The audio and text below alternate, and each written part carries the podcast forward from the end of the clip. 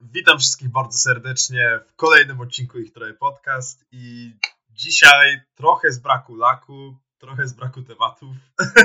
Robimy no taki bardzo mało potrzebny odcinek mam wrażenie, jako że porozmawiamy sobie dzisiaj o Drake'u, czyli artyście, który absolutnie zdefiniował muzyczny mainstream ostatnich paru lat, artyście, o którym absolutnie każdy ma wyrobioną jakąś tam opinię, e, więc jest to jeden z najmniej potrzebnych odcinków, jakie zrobimy, e, bo nie sądzę, żeby tutaj cokolwiek się zmieniło. Nie mamy tutaj zbyt wielu jakichś prowokacyjnych, odważnych, merytorycznie popartych tez, e, więc jedynie co, co nowego tutaj zrobimy, to wymyśliłem taki mały twist, żeby ten odcinek się trochę różnił od innych, żeby się czymkolwiek wyróżniał, a nie omówieniem tylko tych wszystkich albumów, które wszyscy dobrze znamy.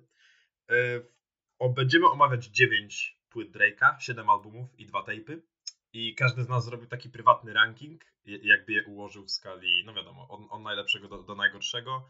I naszym niezawodnym systemem punktowym zrobiliśmy, e, potem utworzyliśmy taki ranking właśnie dziewięciu płyt w podsumowaniu wszystkich punktów i po prostu przejdziemy od najgorszego do najlepszego, żeby to, co fatalne, to, czym, to, czym nas Drake raczył w ostatnich paru latach, e, te, te wszystkie płyty, których nikt nie lubi, e, jakby wycisnąć na, na samym początku, a potem stopniowo, coraz bardziej z każdą minutą zbliżać się do tego, e, dla którego ktoś mógłby odpalić ten, ten odcinek. Ja jestem Jonasz, a dzisiaj standardowo są ze mną Tymon.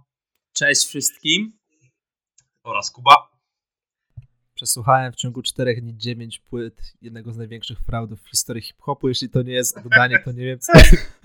To nie wiem naprawdę co jest, nie? Jakby to jest. Witam, dzisiaj jestem na swoim, e, jakby to określił Tymon, hater arc. E, jedyną prawdopodobnie w ciągu historii tego podcastu, ale docencie, proszę. Tak, to prawda. No i skoro, skoro, skoro już przy tym jesteśmy, to E, możemy chyba przejść do najgorszego, naszym zdaniem, albumu Drake'a, projektu Drake'a, czyli Scorpion. I Kuba, oddaję Ci głos od razu.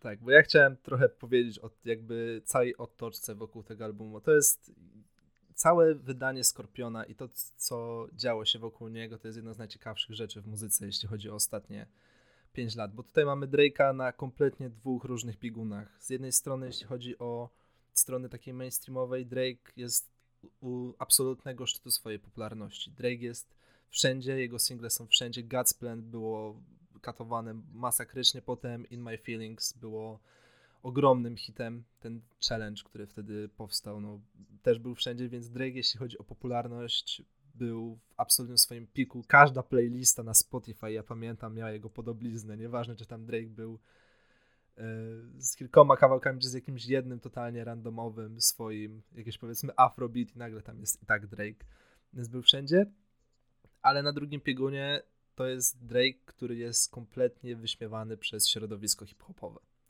Drake był y, kilka miesięcy przed wydaniem, y, wypuścił y, Dapie Freestyle, no i potem dostał nieprawdopodobną kontrę w postaci The Story of Adidon Pusha T i Drake od tego momentu miał Elkę za Elką, po prostu cały czas przegrywał. Jeden z moich ulubionych momentów jest, kiedy był na jakimś show razem z LeBronem Jamesem na HBO, jakąś tam rozmowę i mówił rzeczy typu, no ja nigdy nie słuchałem sobie clips w ogóle, po czym jakiś internauta wyciąga, że kiedyś kupił mikrofon podpisany przez Puszę i Malisa za tysiąc dolców, nie?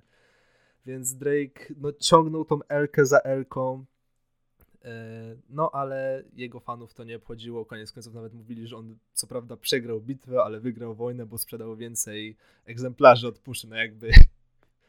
No, no błagam, wszyscy wiemy, że Drake sprzeda więcej egzemplarzy od praktycznie wszystkiego.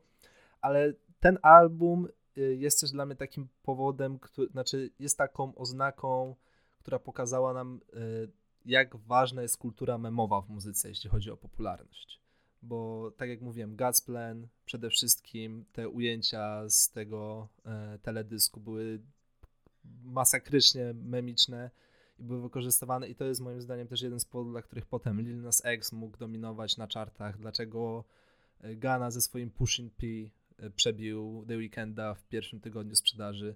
Także to jest album, który na pewno jest dużo ciekawszy, jeśli chodzi o całą otoczkę wokół niego, niż y, jego zawartość, ale może o tym zacznie ktoś inny, skoro się tyle nagadałem. No tak, zgodzę się z tym generalnie, że tutaj wszyscy dobrze pamiętamy ten, ten rollout Skorpiona, e, to wszystko, co, co się działo bezpośrednio przed tym albumem, tę te, te, całą otoczkę, no bo tak jak Kuba powiedział, to jest Drake u, u szczytu absolutnej popularności, kiedy on mógł wypuścić byle gówno i to by i tak się sprzedało, bo przetestował to już wcześniej, ale do tego akurat przejdziemy. I natomiast to, co dla mnie ratuje Skorpiona, bo ja akurat nie dałem go na ostatnim miejscu w swoim rankingu, dałem go na przedostatnim, e, to jest to, że jest tych parę błysków geniuszu. E, jakby nie mówić, to jest kilka naprawdę sporych hitów, które absolutnie zasłużenie znalazły się gdzieś tam na szczytach e, topek listów, które gdzieś tam nie, które gdzieś tam nie schodziły w ogóle z klubów, bo ja nie zliczę ile na moim pierwszym roku studiów razy słyszałem God's Plan albo Nice for What. E, no bo to są po prostu świetne traki, naprawdę. Bardzo fajne, bardzo fajne komercyjnie, z wieloma takimi, może trochę korni, ale jednak zapadającymi w pamięć linijkami z powodów innych niż totalny cringe. E, więc dla mnie to ratuje ten album. Te właśnie całość jest fatalna, nudna, zbyt długa, to się ciągnie i ciągnie i ciągnie. Scorpion to jest jeden z najgorszych albumów do takiego odsłuchu e, całości od początku do końca, bez robienia sobie żadnych przerw, no bo po prostu nie widzimy tego światełka w tunelu. widzimy tylko te sporadyczne momenty, e, to, to co mówiłem, czyli God's Plan, Nice for What, Non-Stop e, i dla mnie będę bronił In, In My Feelings, bo to jest naprawdę przyjemny track mam z nim wiele fajnych wspomnień. Ten challenge y, potem trochę się już wymknął spod kontroli, no ale takie, takie prawa internetu. No ale tak, no tak poza tym, y, poza tymi paroma chwilami, kiedy rzeczywiście ten, ten Drake łapie y, swój najlepszy komercyjny vibe, no to tutaj nie ma za bardzo się nad czym rozwodzić. No to jest po prostu słaba płyta i kolejne testowanie Drake'a. Jak daleko on się może posunąć bez uszczerbku na swoim komercyjnym profilu.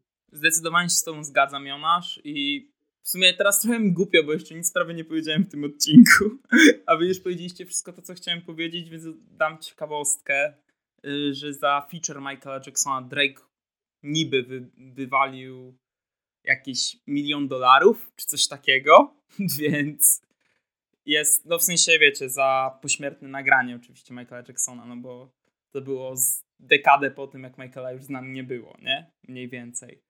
E, no, no ale wreszcie takie kawałki jak wspomniany Nice Forward e, ze świetnie wykorzystanym samplem Loren.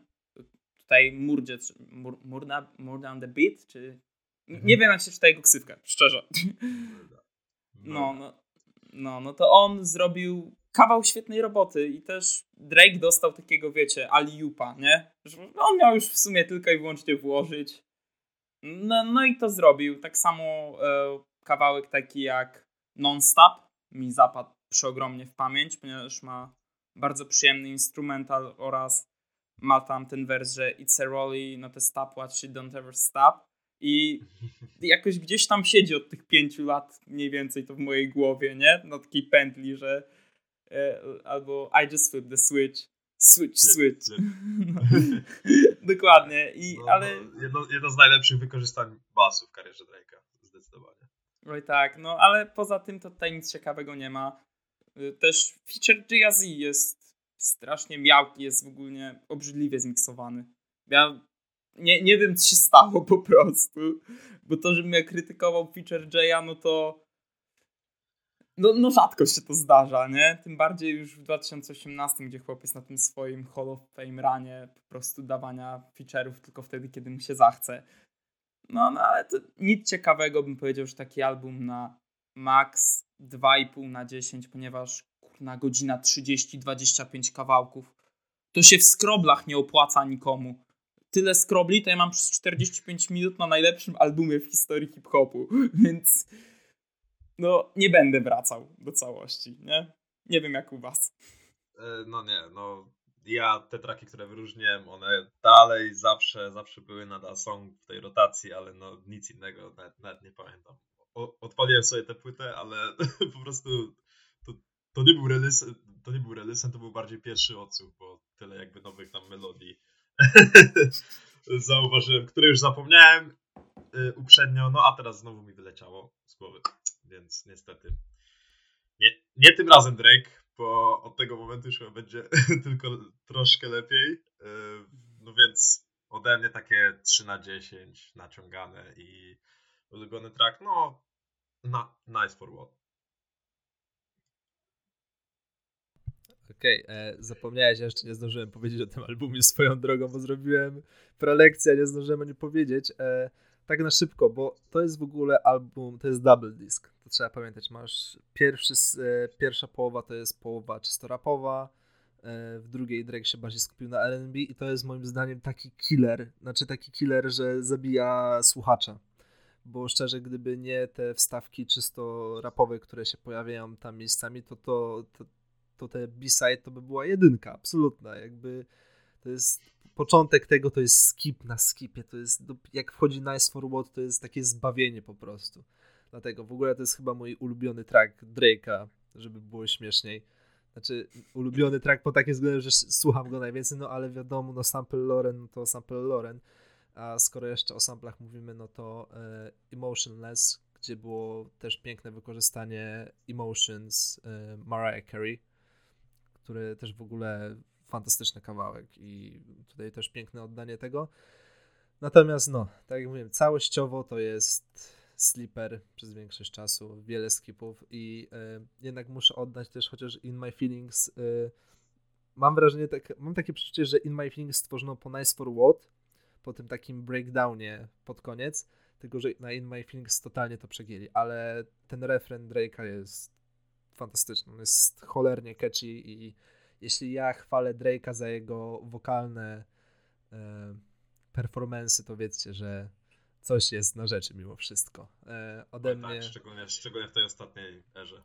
Tak, tak. Aczkolwiek e, jeszcze przejdę do tego, jak następował pewien rozwój mimo wszystko Drake'a wokalnie, ale to jak przyjdziemy do tych starszych płyt. E, ode mnie 3,5 ulubiony track Nice for What.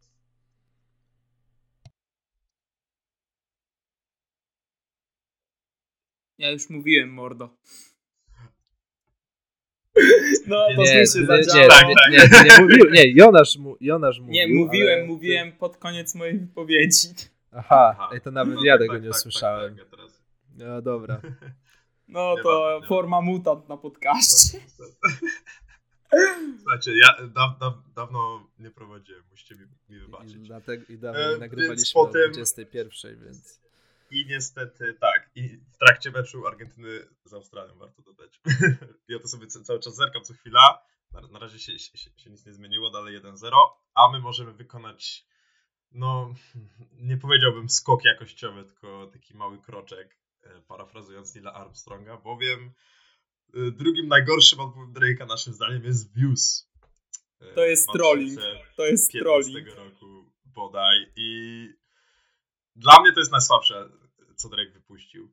E, dałem to na ostatnim miejscu. To było chyba w ogóle decydujące w tym, że e, taka będzie, taka będzie finalna kolejność, bowiem Views to jest z dwoma wyjątkami chlubnymi, co prawda, ale nie na tyle, żeby uratować godzinę 20 minut materiału. Skip na skipie.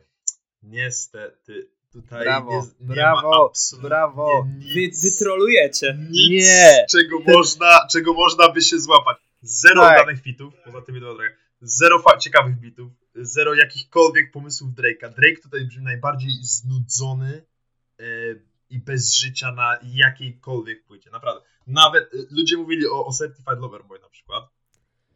Powiem dlaczego ta, akurat tam tak nie było, ale na Views to w ogóle ja jestem w szoku. Ja jestem w szoku, jakim cudem Drake dosłownie parę lat po wydaniu e, If You're Reading This Is Too Late, albo na Rok po wydaniu.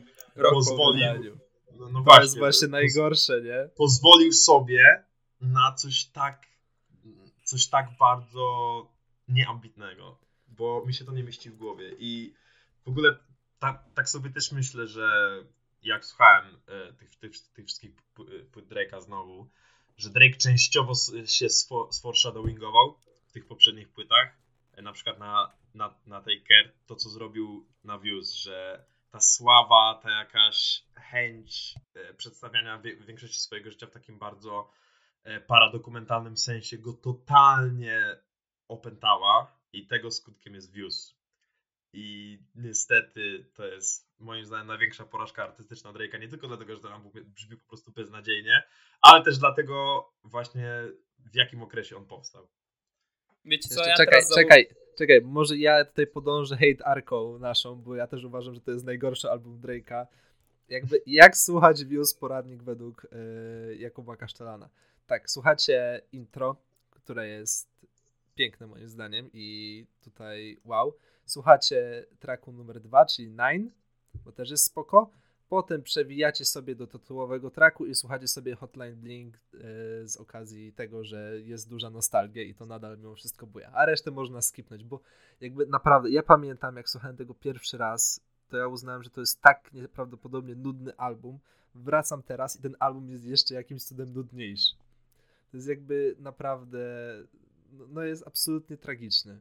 Pod każdym względem. W ogóle ja chciałbym wiedzieć skąd tutaj się wziął Pimp C nagle i, jego zwrotka pośmiertna. Ona jest tak randomowa. Jakby jak ja sobie przypomnę, jak pięknie zrobił to Big Crit na e, Forever is a Mighty Long Time, no to aż się załamuję, kiedy słyszę to, że Drake po prostu wrzuca kilka tam wersów Pimpa i o, mam, mam feed od Pimpa C. W ogóle jestem ciekawy, jakim cudem to się tam znalazło, ale no tak jak mówił Jonasz, te fity są okropne. Ja w ogóle jestem największym chyba haterem. Jakby jestem haterem Drake'a, ale jego wszystkie kolaby z Party Next Door to jest to są najgorsze elementy każdej płyty, na której się pojawia. Oj, Naprawdę. tak, tak, To- to jest-. To, Czy to na y, More Life, jeśli dobrze pamiętam, na pewno na If You're Reading This, It's Too Late. To są największe slipery tam. A o tym porozmawiamy pewnie na koniec. No i Views do spania idealne, do słuchania nie za bardzo.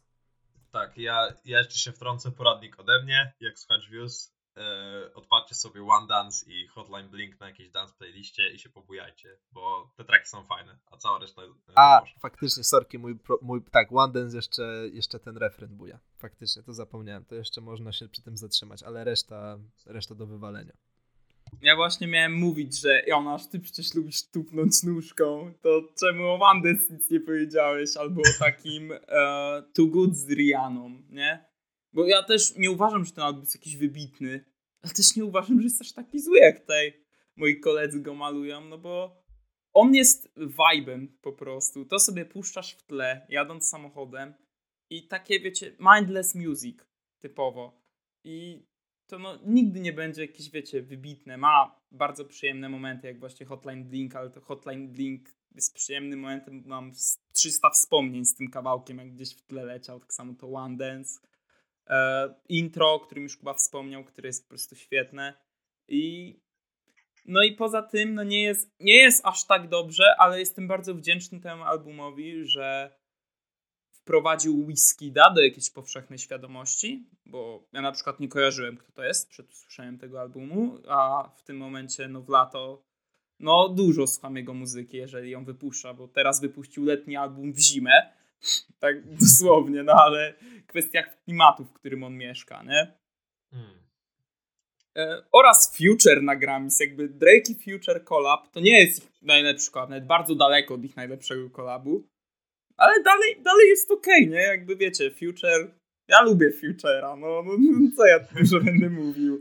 Akurat Słuchaj, tak, ja, no, ja też lubię Future'a, tu ale mogę ten track, przyznać- nie, ten track jest Mogę przyznać rację, że, że, że zwrotka Future'a jest do o, o, o, odratowania ja- jakoś. Ale nie, daje nie, radę. nie, ten track jest beznadziejny całościowo. Track jest słaby, no Future miał lepsze fitale w kwestii tego albumu i w ogóle tych, tego absurdalnego też Pimp C. No właśnie, swoją drogą, mieliśmy Michaela Jacksona, mieliśmy Pimp C.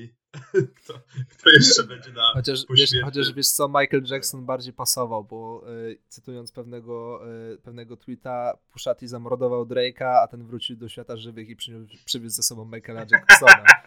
Chociaż szczerze, chociaż szczerze mówiąc, y, miałem jeszcze taką jedną rzecz dotyczącą tego fitu Michaela Jacksona, taka ciekawostka. Ja, ja przy pierwszych y, słowach miałem wrażenie, że słucham The Weeknda.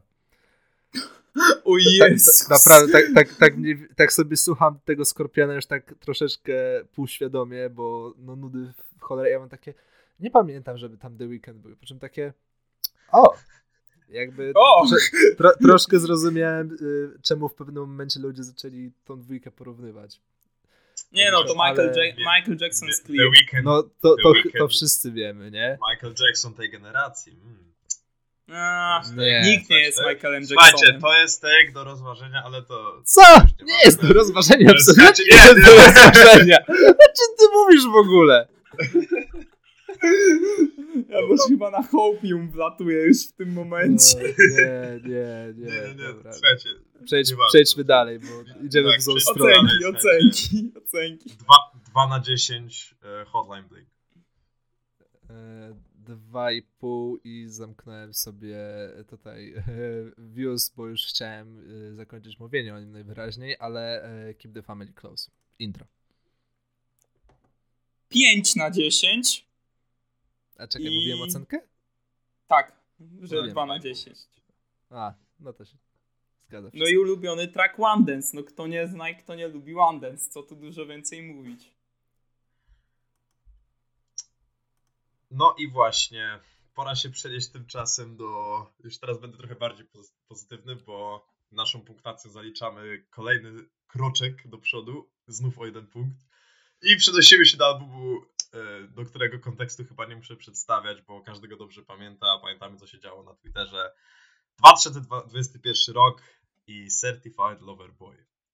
E, No i to jest album, w którym znowu wracamy do tego znudzonego Drake'a. Drake'a, który po prostu testuje kolejne granice wytrzymałości e, słuchaczy, także swojej fanbazy, mi się wydaje, bo tutaj ile razy on brzmi jako swoja au- autoparadia, to aż nie, nie, nie zliczę. Em, wychodzi z tego, no oczywiście coś znowu słabego. E, Nie będziemy tutaj two- tworzyć jakichś dziwnych tez. Natomiast jedyne, co mi się podoba w tej płycie, to, to jest fakt, że y, niektóre teksty, niektóre traki są tak, tak głupie, że aż śmieszne. I to dostarcza całkiem y, wyjątkowej rozrywki, bo bardzo mało jest takich albumów mainstreamowych, które są no, fatalne i za długie i w których jest może jeden taki legitnie dobry track, ale jednak słuchasz tego parę, y, dochodzi do, do niektórych paru tracków i po prostu się śmiejesz, bo s- s- kiedy słyszysz właśnie Fit Lil Baby'ego, e, she, she, said I'm a lesbian girl, me too. Nie, no nie, to jest, to I jest oczywiście- Atrocious Bar. To, to, jest, to jest ta linijka, którą Future by powiedział i nawet o, gdyby Future powiedział tą No linijkę, to oczywiście nawet mój ona będzie faworyt. przeszła. Oczywiście mój faworyt, je- na- bodaj najśmieszniejszy track, jaki Drake wypuścił, czyli Way Too Sexy.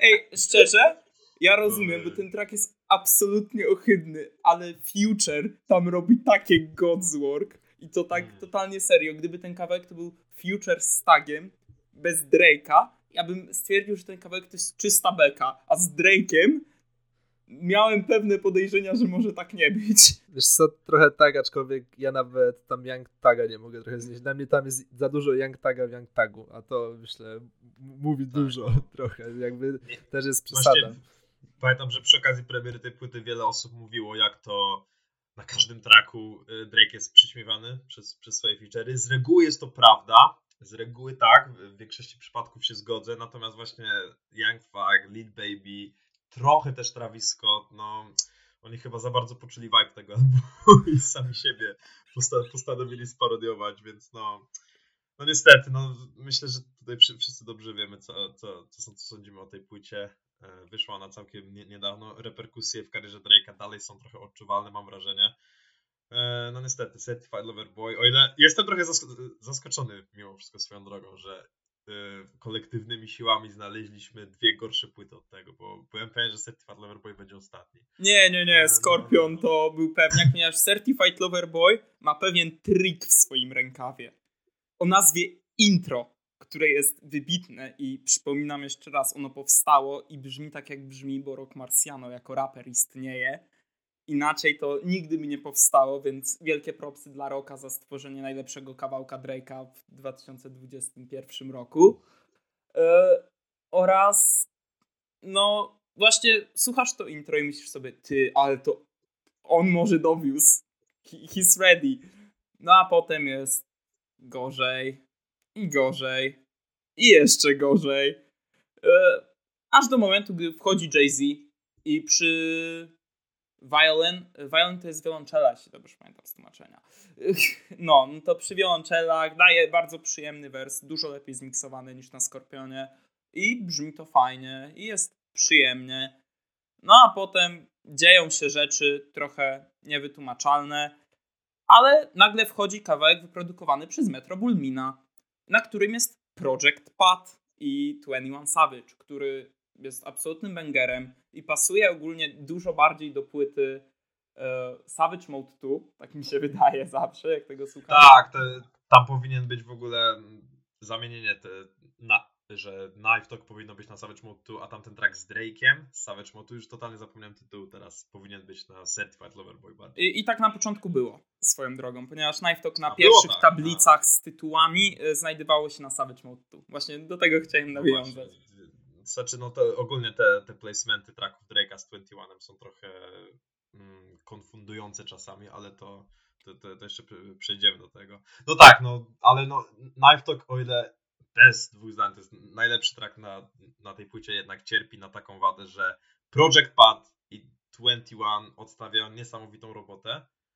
E, Drake jest ok. Akurat nie, nie uważam, żeby ten wers Drake'a był jakiś słaby. Jest, myślę, jednym z lepszych obok intro na tej płycie. No ale gdyby go nie było, to myślę, że ten track by ni, nic nie stracił mimo wszystko.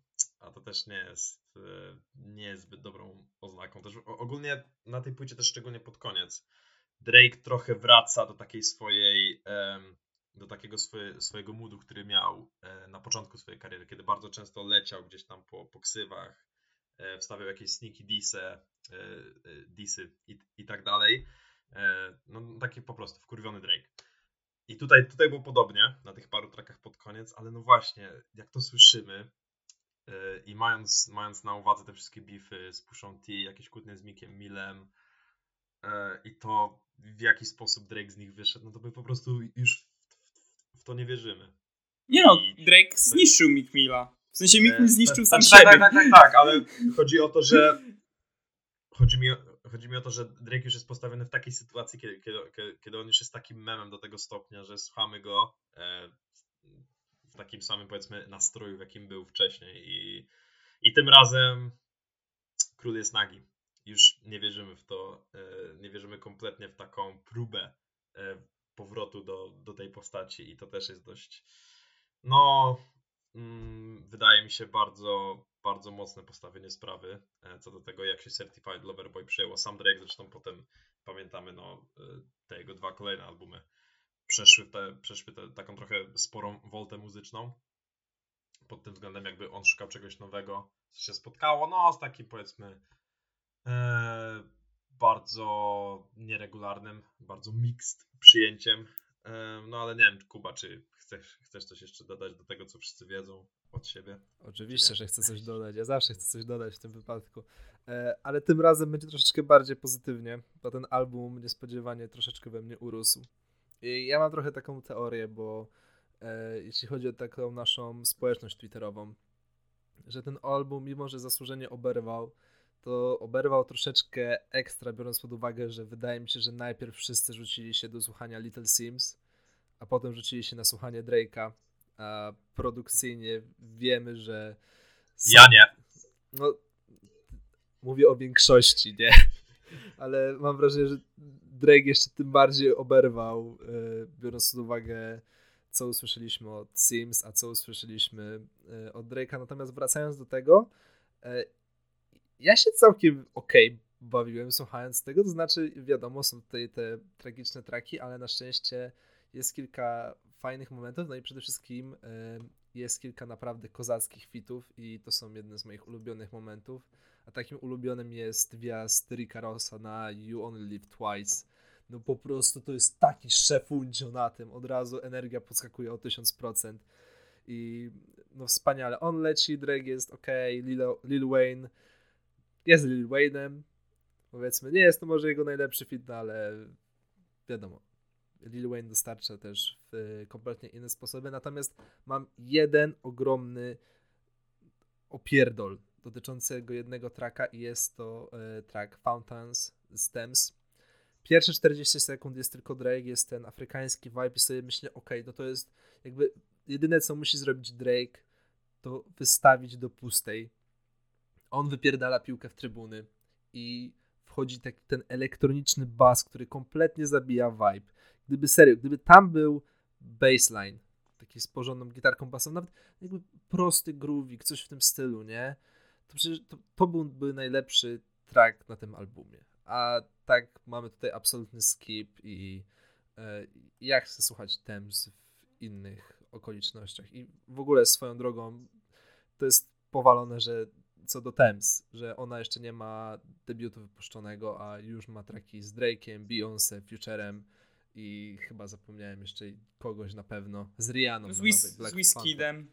Tak, i więc y, dla mnie tutaj, jeśli chodzi o Thames, to jakby królowa R&B niby jest Season, znaczy Season jest królową R&B, ale szczerze mówiąc Thames może to przebić, także tutaj uważajmy, ale ogólnie y, jest tutaj są tutaj fajne momenty. Jakby ja trochę wyłączyłem się tutaj, jeśli chodzi o stronę lirycznej. Ja po prostu słucham instrumentali i tak trochę bardziej vibe'u aniżeli samego Drake'a, no bo wiadomo, Drake tutaj lirycznie jest tak jak mówiliście, ale no, no friends in the industry. Drake ma tutaj fajny flow, jest y, świetny tutaj bicik. Y, lubię też y, Yabas Heartbreak, czyli tylko tutaj mamy wokale na szczęście nie Drake'a i to proste pianinko to jakoś tam leci, więc to, to jest album, który ma momenty, które dają jakąś minimalną nadzieję, natomiast koniec końców no nie jest to dobry album, aczkolwiek jest lepiej niż było na premierę i tutaj yy, chcę lekko docenić. Okej, okay, no to co ocenki? Nie ma się więcej na tym tak, tak, rozwozić. Bez sensu tutaj y, zostawać na tym ode mnie takie no, 3 na 10 i Knife Talk. Ode mnie 3 na 10 i intro Champagne Poetry. To ja dam 4, może nawet i pół. Yy, I ulubiony track i Only Live Twice. I akurat teraz tak się złożyło, że możemy bardzo płynnie, chronologicznie przejść do e, kolejnego albumu w tym naszym rankingu, którym jest Honestly Nevermind. I tak, tak, jak, tak jak mówiłem pod koniec mojej wypowiedzi dotyczącego CLB, że też mam wrażenie, że Drake jednak został trochę niejako zmuszony takiej lekkiej dezynwoltury muzycznej. Oczywiście on, on może robić wszystko, co chce, bo to się i tak sprzeda. E, ale fajnie, dobrze że jednak jest, jest gdzieś u niego jakieś poczucie wstydu, poczucie winy, że dalej próbuje czegoś nowego, nawet jeżeli te próby są trochę, no znowu, niezbyt dobrze odbierane miejscami, ale nie, nie przeze mnie, bo Honestly Nevermind jest płytą, w której moim zdaniem najlepiej widać takie e, te próby Drake'a na zrobienie czegoś nowego, bo tutaj mamy, mówię tutaj głównie o takim tracku, jakim jest Massive, bo to jest po prostu rave'owy track. Track, który ja słyszałem osobiście na dwóch rave'ach i który jest po prostu stworzony do jakiejś e, bank na Majorce i Bizie, takich klubach techno i ja byłem autentycznie w szoku, kiedy to pierwszy raz usłyszałem, bo no w życiu bym się nie spodziewał, że Drake wypuści coś takiego, coś takiego, czym się, no gdzie był, były jakieś przesłanki e, na wcześniejszych płytach, przede wszystkim na More Life, no ale tutaj jednak poszedł w to tak bardzo mocno, bardzo konkretnie, że nie mamy w ogóle wątpliwości, ani ni niczego innego w tym traku pokazującego, że, e, że tu, tu może chodzić o coś innego. I też mam wrażenie, całość tej płyty jest taka trochę odkrywcza. Oczywiście musimy to sobie powiedzieć na wstępie, e, z reguły to śpiewanie Drake'a jest fatalne i w ogóle nie, nie pasujące niestety do, do klimatu niektórych tych, tych tracków, no bo Tymon powiedział to o Obvious, a ja to powiem o Honestly Nevermind. Dla mnie z kolei to jest właśnie taki chill album. Może nie wszystkie traki tu pasują, bo kilka z nich to jest totalne nieporozumienie i w ogóle w życiu bym ich nie, nie wypuścił, gdybym był Drake'em. Ale no właśnie, mamy Text Go Green, e, mamy tytuł, e, mamy opening track, mamy e, Massive, mamy Sticky. Sticky w ogóle, wybitny track, będę tego bronił. Ten vibe, jaki tam się udało osiągnąć Drake'owi jest niesamowity. E, absolutnie w ogóle wyjątkowy, wyjątkowy na tym etapie jego dyskografii, coś czego nie słyszeliśmy od kilku dobrych lat. E, gdzieś, gdzie, no dla mnie przynajmniej, no bo oczywiście to jest, y, to jest wszystko subiektywne, ale gdzie na mnie w ogóle nie ma żadnych żenujących tekstów. E, naprawdę, uwie, uwielbiam Sticky. Dla mnie to jest zdecydowanie jeden, z tracków roku. E, I dlatego będę bronił tej płyty. Dlatego, że Drake postarał się mniej lub bardziej, no przynajmniej na, no chociaż na kilku trackach i nie zrobił z tego jakiegoś półtora godzinnego potworka, gdzie w ogóle większość, większość tracków nigdy nie powinna u, u, ujrzeć światła dziennego. Ten, ten, ten, album jest bardzo przystępny, dużo bardziej przystępniejszy niż Scorpion, e, Views, Certified Lover Boy. E, w tym albumie naprawdę można się miejscami zatracić. Jest tu parę fajnych pomysłów. Jest tu e, oczywiście muszę wspomnieć o closing tracku, czyli Jimmy Cooks, który vibem totalnie nie pasuje i jest moim zdaniem zapowiedzią tego oczywiście ostatniego projektu Drake'a z 21 Savage'em, ale to jest no super closer po prostu i też taka nagroda dla wszystkich tych, którym ten album się może nie podobał, e, aż, aż tak jak mi, a wiem, że na przykład jednym z nich jest Kuba. No, no tak, jakby no, pierwszy odsłuch był absolutną katastrofą i nie chcę tego nawet komentować. Natomiast powtarzając to sobie, no był chyba, to był wieczorek, nie? Ja sobie tak słucham i tak tak po prostu łapię ten vibe, jaki Drake chciał wytworzyć przy takim i jakby zrozumiałem, czemu Janoszowi tak się to spodobało, natomiast największy problem z Honestly Nevermind jest taki, że ja po odsłuchaniu całości mi Spotify z automatu załączył Cozy od Beyoncé, czyli inny houseowy album, który wyszedł w tym roku i jakby jakościowo to jest no niebo i ziemia. Jakby ja już nie mówię o śpiewie, bo to tak jakby e, nie wiem, jakby Cristiano Ronaldo grał sobie jeden na jeden z jakimś Tomkiem z B-klasy, nie?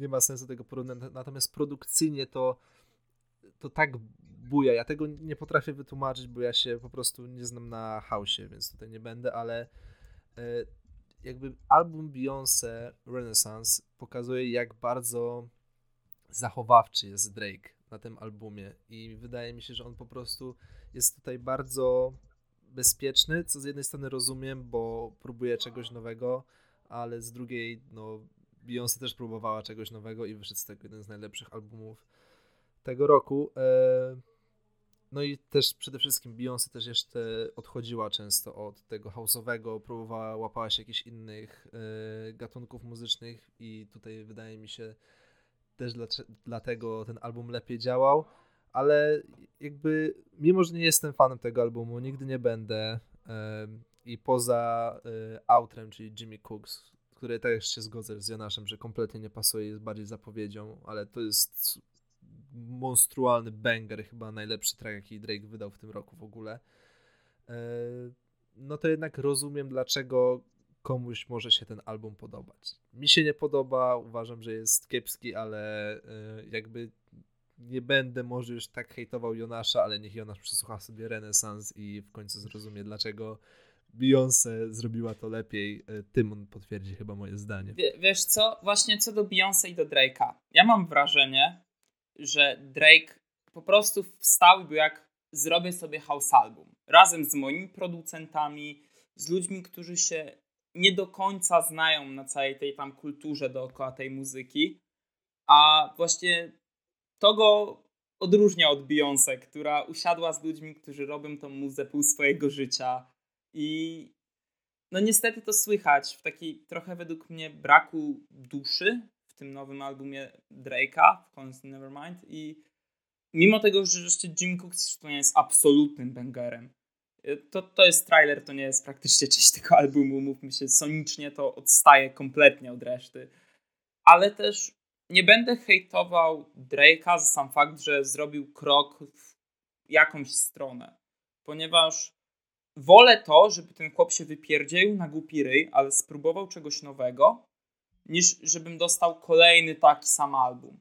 Co już się trochę zaczynało robić paternem u Drake'a, patrząc na CLB Skorpiona, bo to bardzo podobne albumy wbrew pozorom, jakby patrzeć na konstrukcję i pojemność, jeśli chodzi o tracklistę. To tutaj właśnie tak, to co Janosz mówił, dostaliśmy szybkie, y, może być enjoyable, bo ja też właściwie wspomniane Sticky, mimo tego, że nie uważam, że to jest nowhere Nir, jakiś tam najlepszych tracków tego roku.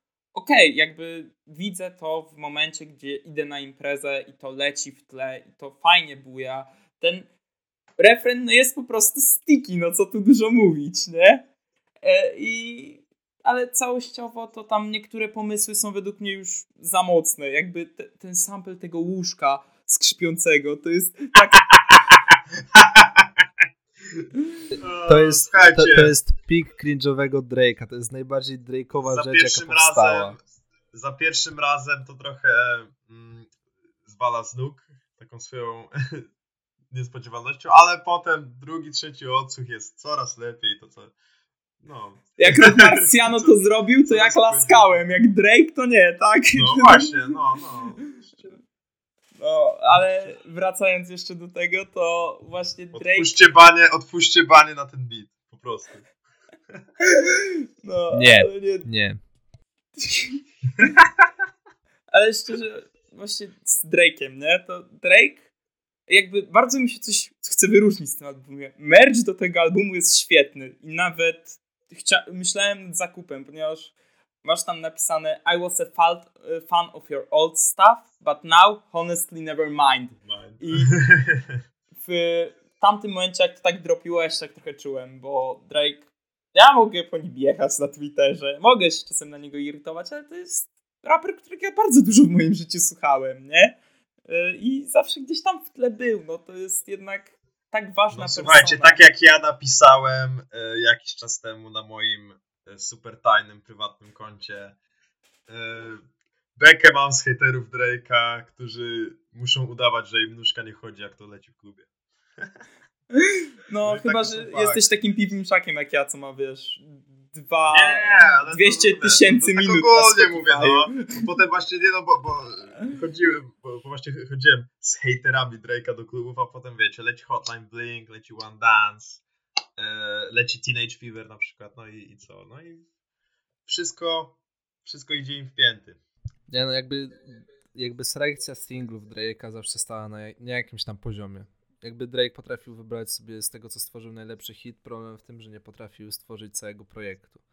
Przez długi czas ostatnio, do ostatniego albumu, który mu wyszedł, ale to jeszcze zanim do tego przejdziemy, no to jeszcze trzeba wspomnieć o czymś innym i trzeba rozdać chyba ocenki w końcu. Tak, no to ode mnie 6 na 10. Jak mówiłem, dla mnie bardzo przyjemny projekt w większości, chociaż no znowu jest kilka tracków, które bym no, totalnie wyjebał. Myślę, że taka epka, coś, coś w rodzaju na przykład e, Dark, Dark Lane Tapes, czy, czy coś w tym stylu, e, było, byłoby lepsze, ale i tak, mocne 6 na 10. E, Jimmy Cooks, ale sticky, honorable mention na pewno. Ja dam 4,5 na 10 i będzie to Jimmy Cooks. I też tak samo wyróżnię to sticky, bo to jest akurat z tych takich kawałków, które ja rozumiem, że ktoś się może naprawdę lubić. Dobra, ja dam czwórkę też Jimmy Cooks jako najlepszy. Absolutny no-brainer, jeśli chodzi o to. No a my przejdziemy do y, innego albumu, w którym Drake troszkę poeksperymentował i to nawet trochę mocniej, w którym aż tak y, nie skupił się na jednym gatunku, czyli w przypadku Honestly Nevermind na house'ie, a bardziej oscylował między nimi, zahaczył nawet o grime i o takie bardziej karaibskie rytmy, czyli no już samo to wskazuje, że tutaj zaszła dosyć spora skala, na której mogliśmy go usłyszeć, a mowa oczywiście o More Life, czyli tape z bodaj 2017 roku, 17. 17 roku, Jezu.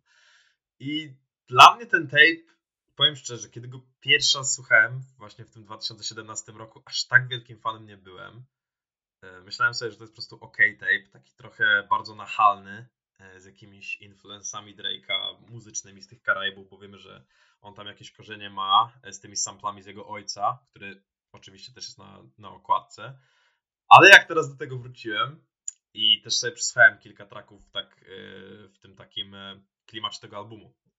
No, mówię oczywiście o singlach typu KMT albo Teenage Fever, które no naprawdę brzmią jeszcze lepiej niż zwykle, e, kiedy się je tak odpali pośród innych podobnych do, do nich traków. E, no i co tu dużo mówić, no dla mnie to jest po prostu naprawdę dobry tape. Nie jakieś arcydzieło, ponownie jest zdecydowanie zbyt długi, jest tu kilka traków, które są totalnymi skipami, ale nie jest źle. Okej, okay, wiesz co, e, no jakby tutaj jest nawet napisane, że to jest playlista, nie? I tutaj się mm. zaczyna już trochę mój problem z tym albumem, ponieważ tego jest zdecydowanie kurwa za dużo. Jakby sorry Drake, tam są zajebiste kawałki. Ja tego nie będę, wiesz, niszczył, ale to się czasami tak roz, rozpływa w całości tego i też warto tutaj wspomnieć, ponieważ myślałem nad jedną rzeczą, o coś kiedyś kłóciłem w ogóle z moim dobrym kumplem, jeszcze jak chodziłem do liceów, z Gortim, który był wielkim fanem Drake'a. I mieliśmy kiedyś taką dyskusję po pijaku, że Kanye West to jest innowator, a Drake to jest promotor. I szczerze uważam, że tak jest, ponieważ tutaj to najlepiej widać, gdzie Drake sobie adoptuje te style gości, z którymi nagrywa. Tak samo było z Migosami, jak wskoczył na Versace Remix. E, tak samo no tutaj właśnie z Grime'em, gdzie Drake nagle stwierdził, że jest z UK, bo się zaczął wozić ze Skeptą, e, z Geeksem, e, z George'em Smith. Oraz z, tutaj, jeszcze dobrze pamiętam, też się chyba Whisky pojawiał na tym albumie, albo nie. Ale właśnie te afrobity influence też jest przez to, że on się zaczął wozić z Whiskidem i zobaczył, jaki przeogromny hit to stworzyło. I to jest coś, za co Drake'a będę szanował, ponieważ to pokazuje, że ten facet ma głowę do interesów i wie, co się sprzedaje. Of course, no jest najpopularniejszym raperem obecnie na planecie. Ale z drugiej strony przy tym More Life to pokazuje też takie, że mu się już nie do końca chce artystycznie nic więcej osiągnąć. On chce zrobić hity, on chce to wydać i to się ma sprzedać jak najlepiej. Ja w ogóle pamiętam za pierwszym razem tak wyśmiewałem to, że Drake nazywa to playlistę i myślałem, że próbuje jakoś tutaj wytłumaczyć pewne rzeczy, natomiast y, no faktycznie More Life brzmi jak playlista.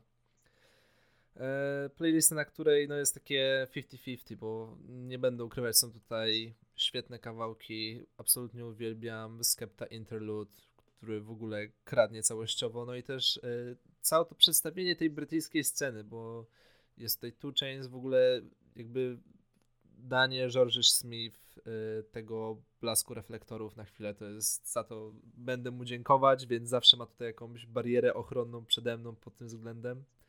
No jednak George Smith, wiadomo, e, lekka miłość, e, lato 2018 to zawsze w mojej pamięci. E, no i no co, to jest po prostu playlista, no każdy tutaj znajdzie dla siebie każdy tutaj znajdzie coś, na czym może sobie pospać. E, no i, no i co? No, no i tyle. Jakby tutaj wydaje mi się, że wszystko, co miało zostać powiedziane, zostało powiedziane. To jest po prostu projekt, o którym naprawdę Akurat ja bym, trochę ciężko ja bym, mówić dla mnie. Ja bym chciał się tylko jeszcze odnieść do tego, że w tym punkcie kariery, jakim był Drake, czyli po wydaniu, no umówmy się, cholernie rozczarowującego Views, akurat ja ten E, taki powrót, takie skierowanie się w stronę promotorki akurat propsuje, bo to nie jest tak, że tutaj Drake wziął jakiś najbardziej znanych powiedzmy graczy na scenie. Oczywiście jest Kanye West, jest, jest, jest, są Migosi, jest Two Chains, ale mam wrażenie, że właśnie o takim Gigsie albo o, o George Smith ludzie z Ameryki no nie musieli ich znać. Oczywiście znaczy, tak, Georgia Smith była jeszcze przed wydaniem w ogóle swojego debiutu anonimy, wtedy, nie? Ale no Więc... właśnie tak jak, on im, tak jak on im dał jakieś e, pole do popisu y, Geeksowi na, na KMC albo y, jak się ten drugi kawałek nazywał? Long... No, no, no long, long talk. talk. No, no long talk, Jezu. E, no, no i oczywiście ten prześwietny, no, no, w ogóle ma, mamy George'a Smith Internet przede wszystkim, no ale nie oszukujmy się, wszystkim chodzi o ten ich świetny duet, gdzie oni w ogóle mają świetną e, chemię między sobą, czyli oczywiście E, Get It Together. Więc e, jeżeli Drake ma promować w taki sposób, bo te traki, które wskazałem, to są absolutne highlighty tej płyty, bez dwóch zdań i tutaj myślę każdy się zgodzi, no to ja nie, ja nie mam nic przeciwko, słuchajcie, zresztą on i na trakach grime'owych, i na trakach tych takich bardzo, powiedzmy, bardziej house'owych, bardziej popowych, i na trakach bardziej trapowych się po prostu bardzo dobrze odnalazł i to, tutaj nie ma przypadku chociażby z tego Certified Lover Boy, że ci, ci jego goście muszą być na poziomie no takim swoim średnim, żeby go przyćmić. Nie, oni właśnie wznoszą się na wyżyny, bo tutaj Geeks naprawdę i Skepta też fenomenalnie polecieli. E, ale Drake wca, wcale nie jest przy, przez nich przyćmiony, więc mi się to... No Skepta nie miał jak przyćmić Drake'a. Znaczy tak, tak, no, to prawda, to prawda akurat, ale, no, ale bardziej mi, mi chodzi o to, że pomimo tego, że to jest, no właśnie, playlista, taki bardzo kolaboracyjny projekt, taki bardzo, w którym czuć yy, ogromny miszmasz, no to Drake dalej jest yy, na jego czele, Drake dalej sprawuje tutaj nad na tym wszystkim piecze i wydaje mi się, że to wyszło naprawdę fajnie. Yy, więc ja będę propsował ten, ten tape, tę playlistę zawsze, bo też jednak yy, wiele traków z tego, no to były u mnie instant hit, no nie zliczę ile razy to KMT albo Teenage Fever gdzieś tutaj słyszałem w klubach i to było super, po prostu. To co, ocenki chyba, nie? No chyba tak, no to ode mnie takie 7 na 10 i no właśnie, chciałem y, jeszcze to powiedzieć, że dla mnie ten album ma dwie części, nawet jeżeli to nie jest w ogóle podzielone na, na dwa dyski ani nic. Pierwsza część taka bardziej bangerowa, y, gdzie mamy te gramowe traki, trapowe traki, druga część taka dużo bardziej na spokojnie, ten house, karaibskie rytmy, pop i dlatego chciałem wyróżnić po jednym traku z tychże e, dwóch opcji, czyli KMT i Teenage Fever. Okej, okay, ode mnie będzie to 5,5 na 10. E, I moim ulubionym kawałkiem z tej płyty jest Passion Fruit, które do dzisiaj mam na różnych playlistach oraz z ogromnym wyróżnieniem Skeptas Interlude, ale ja nie chcę dać tego tracka jako ulubiony z płyty, ponieważ tam Drake'a nawet nie ma i no to będę musiał Skepcie za to dziękować. Dobra, Tymon praktycznie powiedział to, co chciałem ja powiedzieć, bo ode mnie to jest piątka, ale też Passion Fruit tutaj jako ulubiony i tutaj muszę zaznaczyć jedną rzecz, jak w 98% absolutnie nie znoszę Drake'a i tak jak mówiłem, ja jestem w stanie sprzedać nerkę za to, żeby on więcej nie śpiewał, nigdy, przenigdy, tak na Passion Fruit brzmi pięknie. Ja, to jest jeden z niewielu momentów, kiedy ja słucham Drake'a z naprawdę przyjemnością jego wokali i tutaj trzeba mu to oddać po prostu. E, a my tymczasem w naszym rankingu e, okazało się, że mieliśmy remis na, na takim podium już na trzecim i czwartym miejscu, e, więc zdecydowaliśmy się to rozstrzygnąć przed nagrywkami niezwykle e, zawiłą metodą głosowania. Przegrałem to głosowanie 2 do 1, czego skutkiem mamy ten album, o którym myślę i tak byśmy porozmawiali prędzej czy później w jakimś tam odcinku o premierach, czy, czy coś ten deseń. Mowa oczywiście o Hair Loss, czyli kolaboracyjnym albumie Drake'a z 21, wciąż bardzo świeży materiał. E, no i panowie, w sumie co o tym myślicie? Bo ja chciałbym zacząć od Kuby, bo ja wiem, że Kuba miał jakąś w ogóle fatalną opinię na ten temat y, tuż po premierze, ale tak wyczułem lekką zmianę tonu, więc yy, chciałbym się dowiedzieć czegoś więcej. Tak, tak. Nie, ja faktycznie miałem źle, ale to też był trochę mój błąd, bo puściłem to sobie po zajęciach i to nie były zbyt dobre zajęcia i jakby no, usłyszałem gdzieś tam po prostu Drake'a śpiewającego, a Drake śpiewający źle działa na moje samopoczucie, więc jakby ten album dostał nieobiektywną ocenę w pierwszej, yy, w pierwszej instancji. Natomiast teraz e, to jest najbardziej zaangażowany Drake, jakiego słyszałem od 2015 roku i e, to jest cudowne. I wydaje mi się, że tutaj ogromną e, wagę do tego przyłożył 21 Savage, który wydaje mi się, że trochę sprowokował Drake'a do tego, żeby trochę bardziej się postarać i chwała mu za to. I nawet jeśli Drake jest tutaj E, z tego co widziałem, trzy chyba nawet trzy razy dłużej go słychać od 21 na tym albumie i to bardziej brzmi jak Jay-Z u J Elektroniki. Tak, chociaż oczywiście też 21 ma chyba tam jeden albo dwa traki, gdzie nie, ma jeden track, gdzie jest yy, jego Kopią Drake'a. Taką, co jest nie, nie, nie, gdzie, gdzie, jest, no, gdzie tam ma yy, solówkę, to jednak yy, jest to koniec końców niezły projekt. Nie uważam, że to jest coś, co zagości na moich playlistach cały czas, ale dobrze się tego słucha.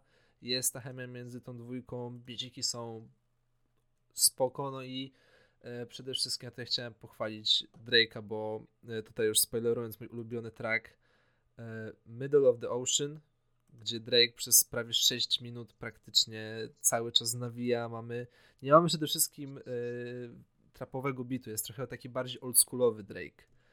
I to było takie troszeczkę nostalgiczne, chociaż mimo, że nigdy nie miałem aż tak mocnego przywiązania do Drake'a, tak jednak słuchając tego, co słuchałem yy, kiedy słuchałem tych starszych płyt z tego okresu powiedzmy 2013 rok, to miałem takie, ok, on, on to nadal ma, on nadal może robić te rzeczy. Tylko musi chcieć i to jest ten album, przy którym ja mam nadzieję dla Drake'a. Ja jeszcze, że ja go jeszcze do końca nie pogrzebałem. Przy Honestly Nevermind doceniłem to, że e, jakby wyszedł trochę ze swojej strefy komfortu i spróbował czegoś nowego. Tutaj, mimo że nie ma aż takich nowości jak e, na Honestly Nevermind, tak po prostu jest to porządny materiał. Porządny materiał, którego nie słyszeliśmy od dawien dawna, więc e, tutaj propsy dla Drake'a po prostu, że jednak e, jak chce, to potrafi i mam nadzieję, że będzie mu się chciało trochę bardziej w przyszłości. Ja powiem tak, ten album jest strasznie progresywny, patrząc na to, że to jest jedna, to jest większa premiera w ogóle niż Kendrick Lamar w tym roku. Album, który miał tydzień rolloutu, przypominam. E, a zaczyna się od Rich Flex, gdzie Drake jest strasznie animowany, ale to dobrze, ja bardzo lubię, jak raper jest tak przerysowany z tym 21, can you do some for me? Potem nagle zmiana klimatu, e, wchodzimy w tą wersję TI-ową Drake'a, Drake rapujący, 21 Savage wchodzący, jest to prześwietne. Rich Flex jest jeden z moich ulubionych kawałków tego roku. A po tym mamy jeszcze Major Distribution. Ogólnie ten pierwsze cztery trackrany jest czymś, nad czym się będę tutaj rozpływał, bo na Major Distribution mamy ten początek, e, gdzie Drake zaczyna śpiewać. Ja sobie myślę, okej, okay, typowy track, Drake coś pośpiewa, 21 coś nawije, nawinie, ale nic bardziej mylnego, bo nagle wchodzi beat switch i mamy minimalistyczny trap przez cały ten kawałek. E, oraz teksty pokroju, gdzie 21 nawija, że uh, I, I jump on your song and make you sound, sound like you are feature. A potem Drake na to odpowiada, że I jump on your song and make the labels think they need ya. Co jest świetne do tej dwójki, ponieważ umówmy się, Drake's feature package stymulujący karierę to jest fakt, nie opinia. Tak? E, no tak samo z On That Bullshit, który też ma cholernie świetne drum patterny i dziwię się, że ktoś na takim poziomie mainstreamowym jest się w stanie tak fajnie bawić konwencją, e, jak w takim również Back Outside Boys, gdzie Liati robi adlibowo popis, według mnie. No potem jest album troszkę zjeżdża z tego tonu i mamy jeden kawałek, który według mnie jest obrzydliwy, jest fucking atrocious. I to jest Circo Loco. Ja uwielbiam Daft Punk. Tak dla kontekstu. I jak słyszę, jak Drake tam leci z tym One more time, jednocześnie tak śpiewając tak kompletnie bez duszy, no ja mam w głowie Kanie, który yy, tworzył Stronger z sampli od Daft Punku, a tutaj Drake tak no bez jajecznie, można by powiedzieć, według mnie. Yy, oraz no ale potem wchodzi Pussy and Millions z Travisem Scottem, który jest takie, mimo tego, że Travis szczerze według mnie jest overratowany as fuck na tym albumie. Ludzie piszą, że to jest najlepsza zwrotka na albumie. No nie wiem, gdzie to jest najlepsza zwrotka na tym albumie. Chyba słuchacie, kurna, jednego kawałka z tego albumu. Tyle mam do powiedzenia. Bo tutaj na tym, na tym tracku Drake ma lepszą zwrotkę niż Travis. Według mnie. Tak na spokojnie. E, no, potem mamy More M's, beat od Metro, który też jest absolutnym bangerem. I gdyby nie ten kawałek 21 Savage'a, który jest oczywiście nawiązaniem tych wszystkich Free AM i coś tam, tracków Drake'a, e, no ten beat, no 21 fajny, ok, jest to ok, ale po co? Wolałbym Drake'a na tym bicie, nie będę ukrywał. Oraz już, już zaraz ci Jonasz oddam głos, przepraszam cię. E, ten closer, Guess It's Fuck Me. Drake według mnie tam, jeśli chodzi o taką emocjonalność i o to, co pokazuje w swojej muzyce od lat, jest na najwyższym poziomie. Jestem w stanie w 100% zrozumieć, czemu ten album brzmi tak toksycznie, jak brzmi po przesłuchaniu tego kawałka i ja już się zamykam, bo za dużo gadam na ten temat. No, uwielbiam ten album. Nie schodzi z mojej rotacji ostatnio. No, podobno e, Herlos to jest ostatnia część trylogii Certified Lover Boy i Honestly Nevermind. Dla mnie to jest trochę grubymi nićmi szyte, ale rzeczywiście jak, jak mamy gdzieś tam e, dostęp do tych tracków właśnie takich jak It's Fuck to można gdzieś to sobie wytłumaczyć. W każdym razie, ja w tym albumie najbardziej doceniam to, że Drake po prostu bawi się w nim muzyką. To, co już chłopaki powiedzieli, te beat switche, e, te jakieś zmyłki, e, w których, gdzie, gdzie potem wkraczają nowe instrumentale, których się nie spodziewamy usłyszeć. E, w ogóle te, te zabawy z flow, te strzały w, w Megan Stallion, w Ice Spice. No w Ice Może- Spice był jeszcze śmieszny, ale z Megan Może, uważam, ale no, jest trochę niektóre bullshit. strzały, no, no na przykład ten Serena Williams był moim zdaniem trochę zbędny, bo potem tam jeszcze chyba mąż e, Sereny wkroczył, wkroczył do akcji. to trochę, trochę niespodziewany crossover, no ale, no ale tak jak mówię, Drake po prostu mam wrażenie w pełni używa na tym albumie swojej pozycji, jakiej się dorobił przez te lata w przemyśle muzycznym, że on doskonale wie, końcu chyba zdał sobie z tego sprawę, że on po prostu może sobie na to pozwolić. No bo co mu zrobicie? Słuchajcie, on już został pogrzebany raz w bifie przez Pusha T. Nic gorszego go nie spotka w tym aspekcie. E, on i tak się odbije, bo jego e, armia komercyjna, jego armia słuchaczy jest bodaj największa w całym przemyśle muzycznym. No to jest piąty najczęściej słuchany artysta na świecie. nie tylko, no, no właśnie, albo jedna z największych. No tutaj Bad Bunny y, na pewno zgłasza kandydaturę, ale on jest tam w ogóle, on śpiewa w innym języku, no to kogo to obchodzi. E, więc i to słychać na tym albumie. Słychać po prostu, że Drake z 21 e, się czuje dobrze, się czuje bardzo swobodnie, co oczywiście słyszeliśmy na Jimmy Cooks, na Knife Talk, na Sneaking chociażby, na, na tym e, te, też kiedy Drake się pojawiał na, na, na albumach 21, więc myślę, że to był idealny wybór, e, żebyś tak odbić trochę i, i w, uszach słuchaczy, żeby wrócić trochę do tych korzeni e, z początku swojej kariery, kiedy Drake też, e, kiedy szczególnie dwa albumy Drake'a bardzo mocno mm, z, tamtego okresu cha- charakteryzowały właśnie to taką jego bezczelność, że po prostu wjeżdżał w każdego, kogo chciał i nie, nie obchodziły go konsekwencje.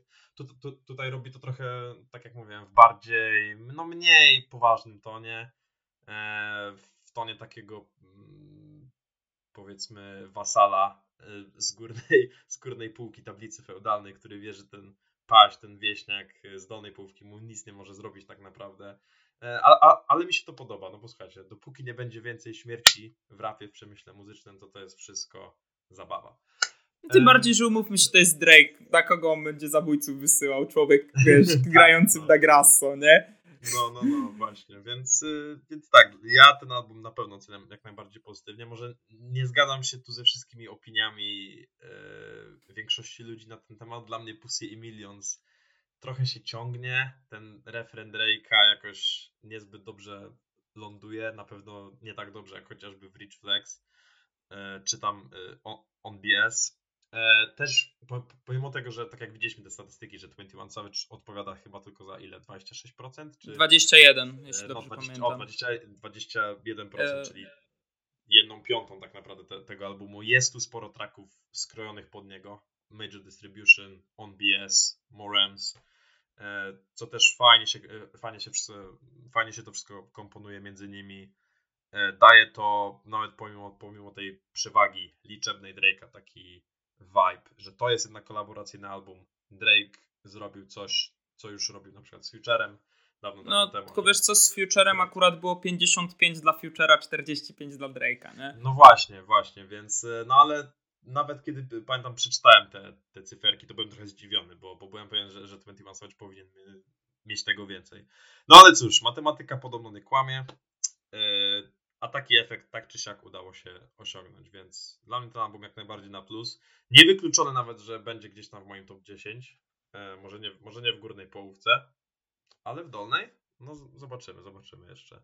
Jeszcze jest na to trochę czasu. E, I teraz myślę, że to pojawia się pytanie, gdzie, dokąd może po tym pójść Drake? Dokąd może pójść Drake po tej trylogii albumów, które są no, totalnie różne brzmieniowo, e, które są totalnie różne też w warstwie tekstowej, w warstwie ryzyka, jakie Drake podejmuje.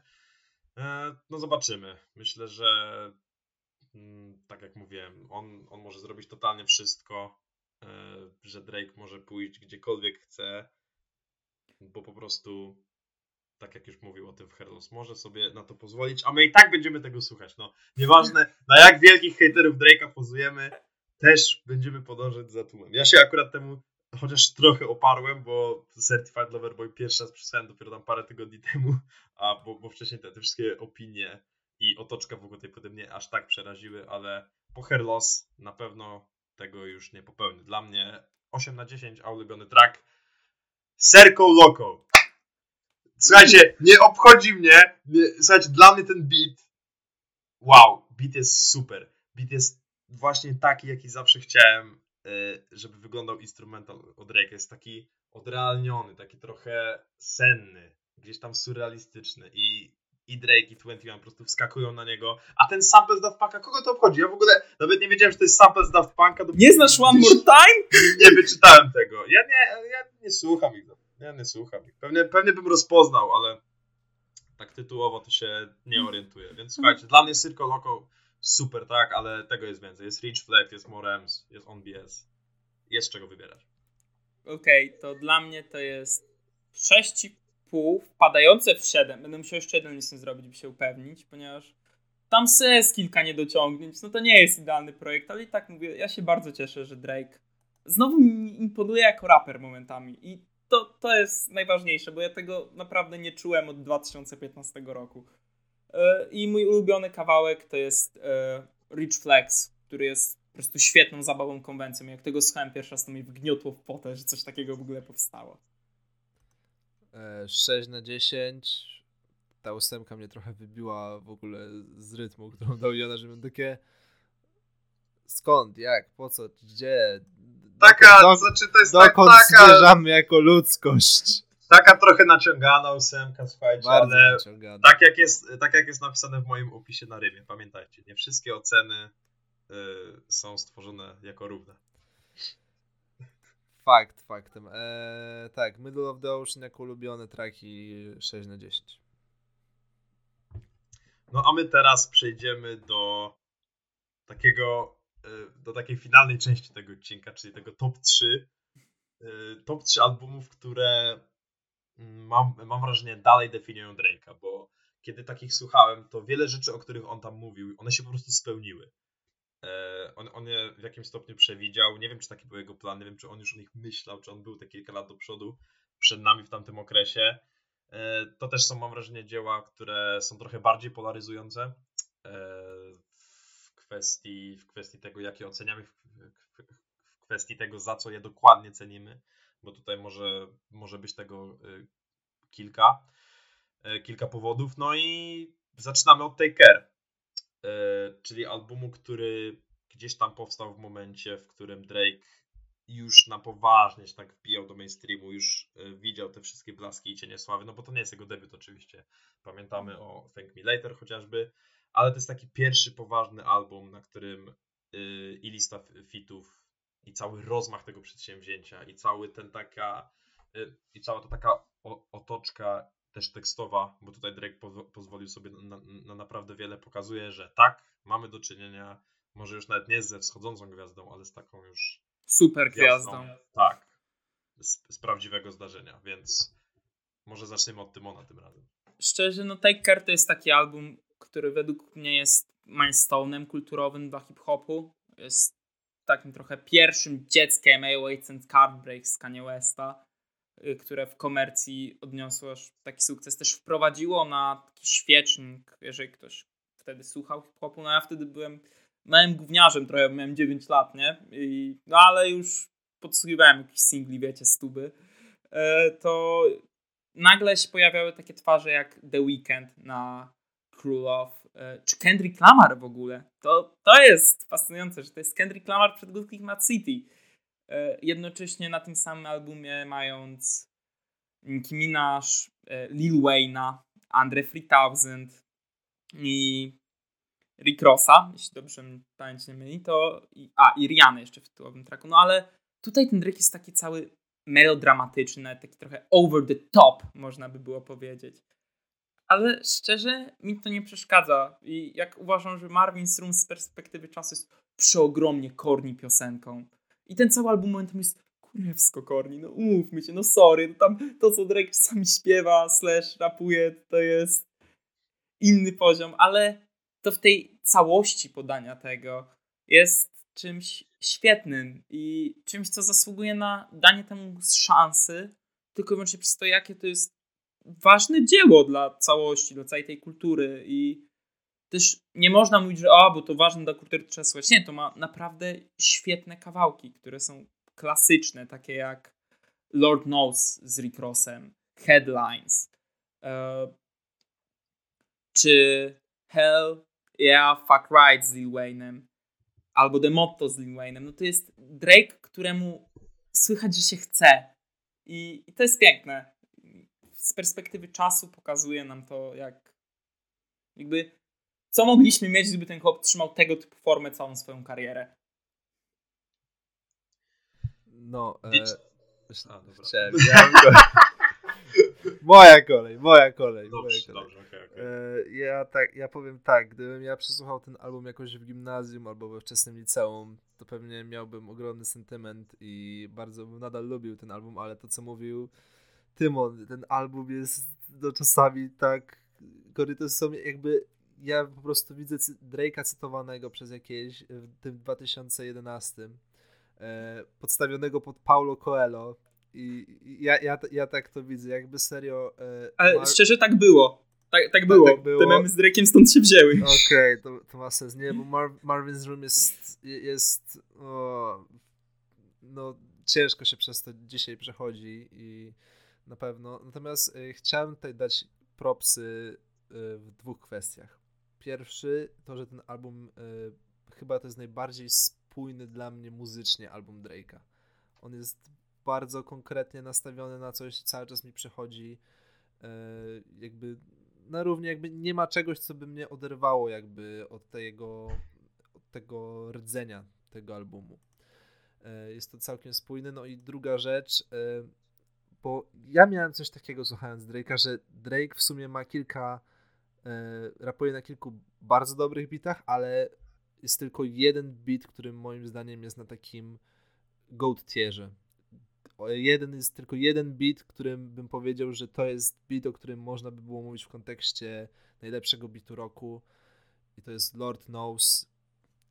Jakby Drake poszedł do Just Blaze'a, czyli absolutnego arcymistrza w robieniu takiego hiperbolicznych bitów, które cię po prostu masakrują z ziemi. Church for Tax, The Game'a, e, tutaj Freedom Beyoncé, tak mówiąc, pierwsze traki z brzegu i Drake rapujący na tym. Potem co prawda to trochę e, jest troszeczkę ciszej, trochę to spowalnia przy Riku Rosie, ale to akurat i perfekcyjnie komplementuje i e, to jest chyba w ogóle najlepszy track Drake'a dla mnie. Exequos jeszcze jeden, do którego przejdziemy na samym końcu. Ale no absolutnie fantastycznie. Tutaj e, kilka propsów dla fitów, bo e, Rihanna i Take Care dla mnie to jest dużo lepszy collab od What's My Name.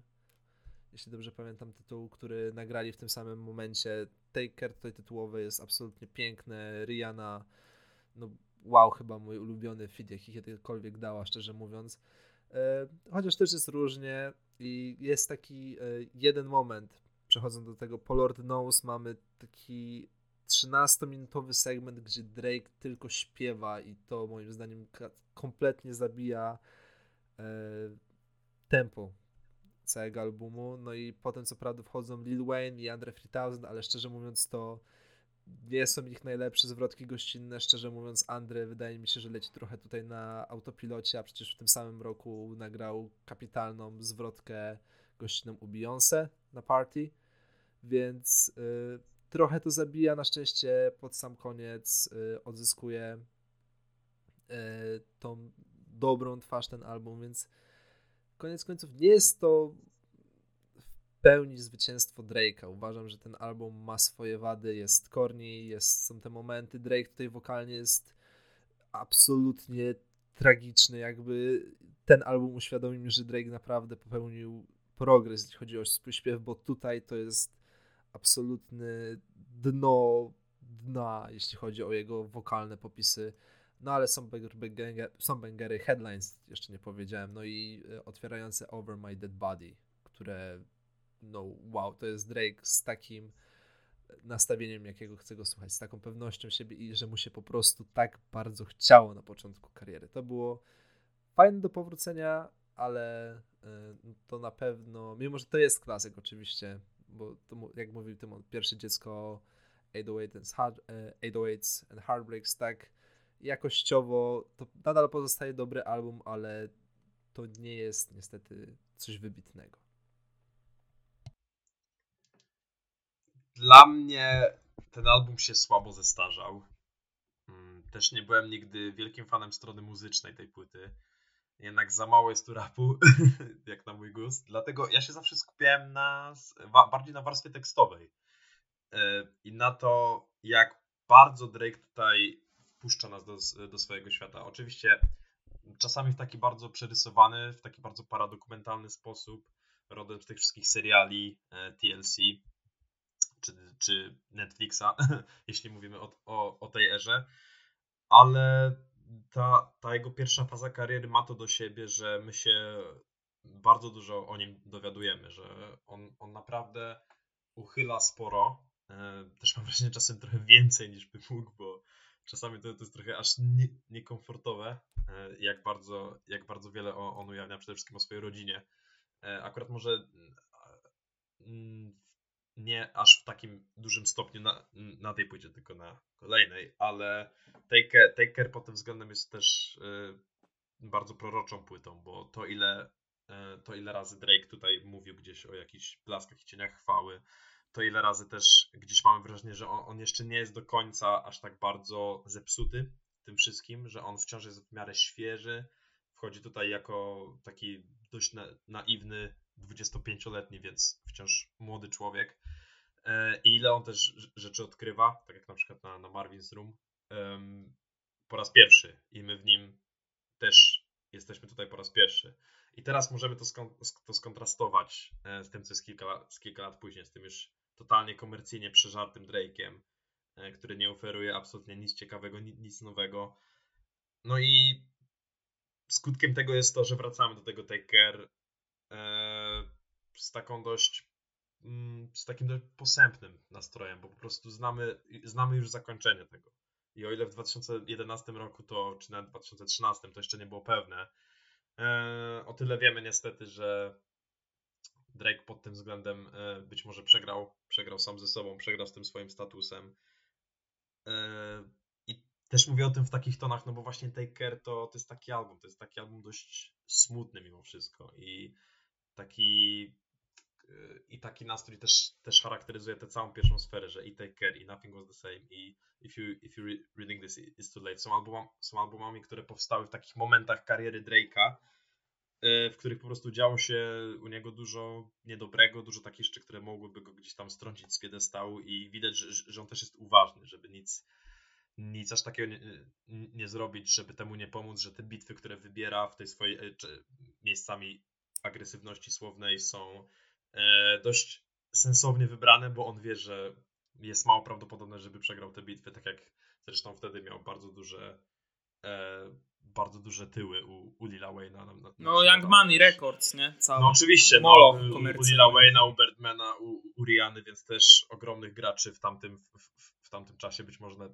największych. E, no ale ja tak koniec końców zawsze to wynosiłem z tej płyty, że w Taker Drake jest jeszcze tak na, na rozdrożu tej, tej swojej drogi i jeszcze nie wiemy, co, co on dokładnie wybierze.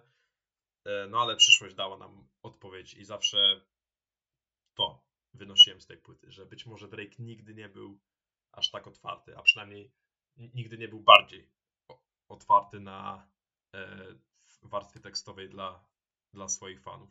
No a muzycznie to, to płyta też jest do, e, dość ciekawa, ale tutaj jednak Drake poszedł w takie dużo bardziej mellow bity, tu jest dużo popu, tu jest dużo takiego mm, pierwszego bardzo niepewnego crossoveru, bo, bo jeszcze ten cały e, pop się aż tak nie, nie, nie wykrystalizował w 2011 roku i było dużo niepewności w jak, e, jak to połączymy, jak ten cały mm, jakby to powiedzieć, ten, ten cały influence Kaniego Westa po 808 się, się potoczy. Potem wiemy, że też tym samym czasie, parę rok później, dwa, dwa lata później wyszedł Future i z kolei wiadomo.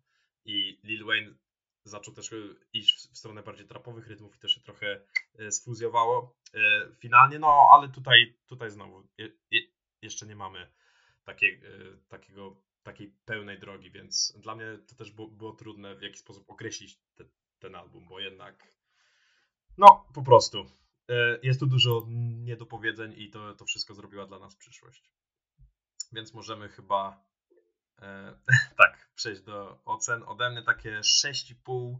No mo, może naciągane 7, ale jeżeli, jeżeli tak mówimy o dość osobistej perspektywie, dla mnie zawsze to było 6,5. Ja jakoś E, przez, przez niektóre te traki aż tak się nie mogłem przebić, ale The Motto, wow.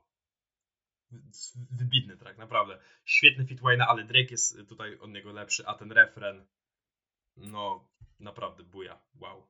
Pięknie. Ode mnie siódemka z takim sercem nostalgii. Wiecie o co chodzi, nie? A mój ulubiony kawałek to będzie o, już wspomniane przez Kubę e, Lord, Lord Knows z Rick Rossem, tak? Mam, wyłączyłem, ale wyłączyłem. Tak, Lord tak, Knows z Rick Rossem. No to ja tak samo, siódemka i może bez tego serduszka nostalgii, bo go nie mam, ale no też Lord Knows absolutnie top of the top. I teraz mamy e, największy dylemat w tym odcinku, a przynajmniej mi się tak wydawało, bowiem e, myślę, że od początku wszyscy wiedzie- wiedzieliśmy, że były dwa projekty, które rywalizowały o, o miano tego top 1. Ostatecznie wszystko e, wszystko kończyło się na tym jednym punkcie, który dzieli oba, oba te projekty, a zadecydowało to, że po prostu ja i Kuba jeden wybraliśmy na pierwszym, w przeciwieństwie do Tymona, który ten drugi miał na pierwszym, więc tak jakby tym razem to on przegrał 2 do 1, a nie ja. Ale Wobec czego na najważniejsze, że ja za każdym razem wygrywałem. Wobec czego Mental Jordana miejscu- 6-0 w finałach, pamiętajcie.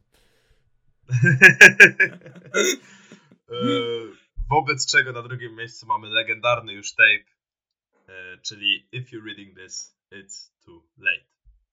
No to chyba, skoro już, już taki wstęp zrobiłem, to możemy zapytać Tymona, dlaczego on uważa, że to jest najlepszy projekt Drake'a. Bo szczerze, dobra, muszę się znowu cofnąć w czasie i robić wycieczkę po moim życiu.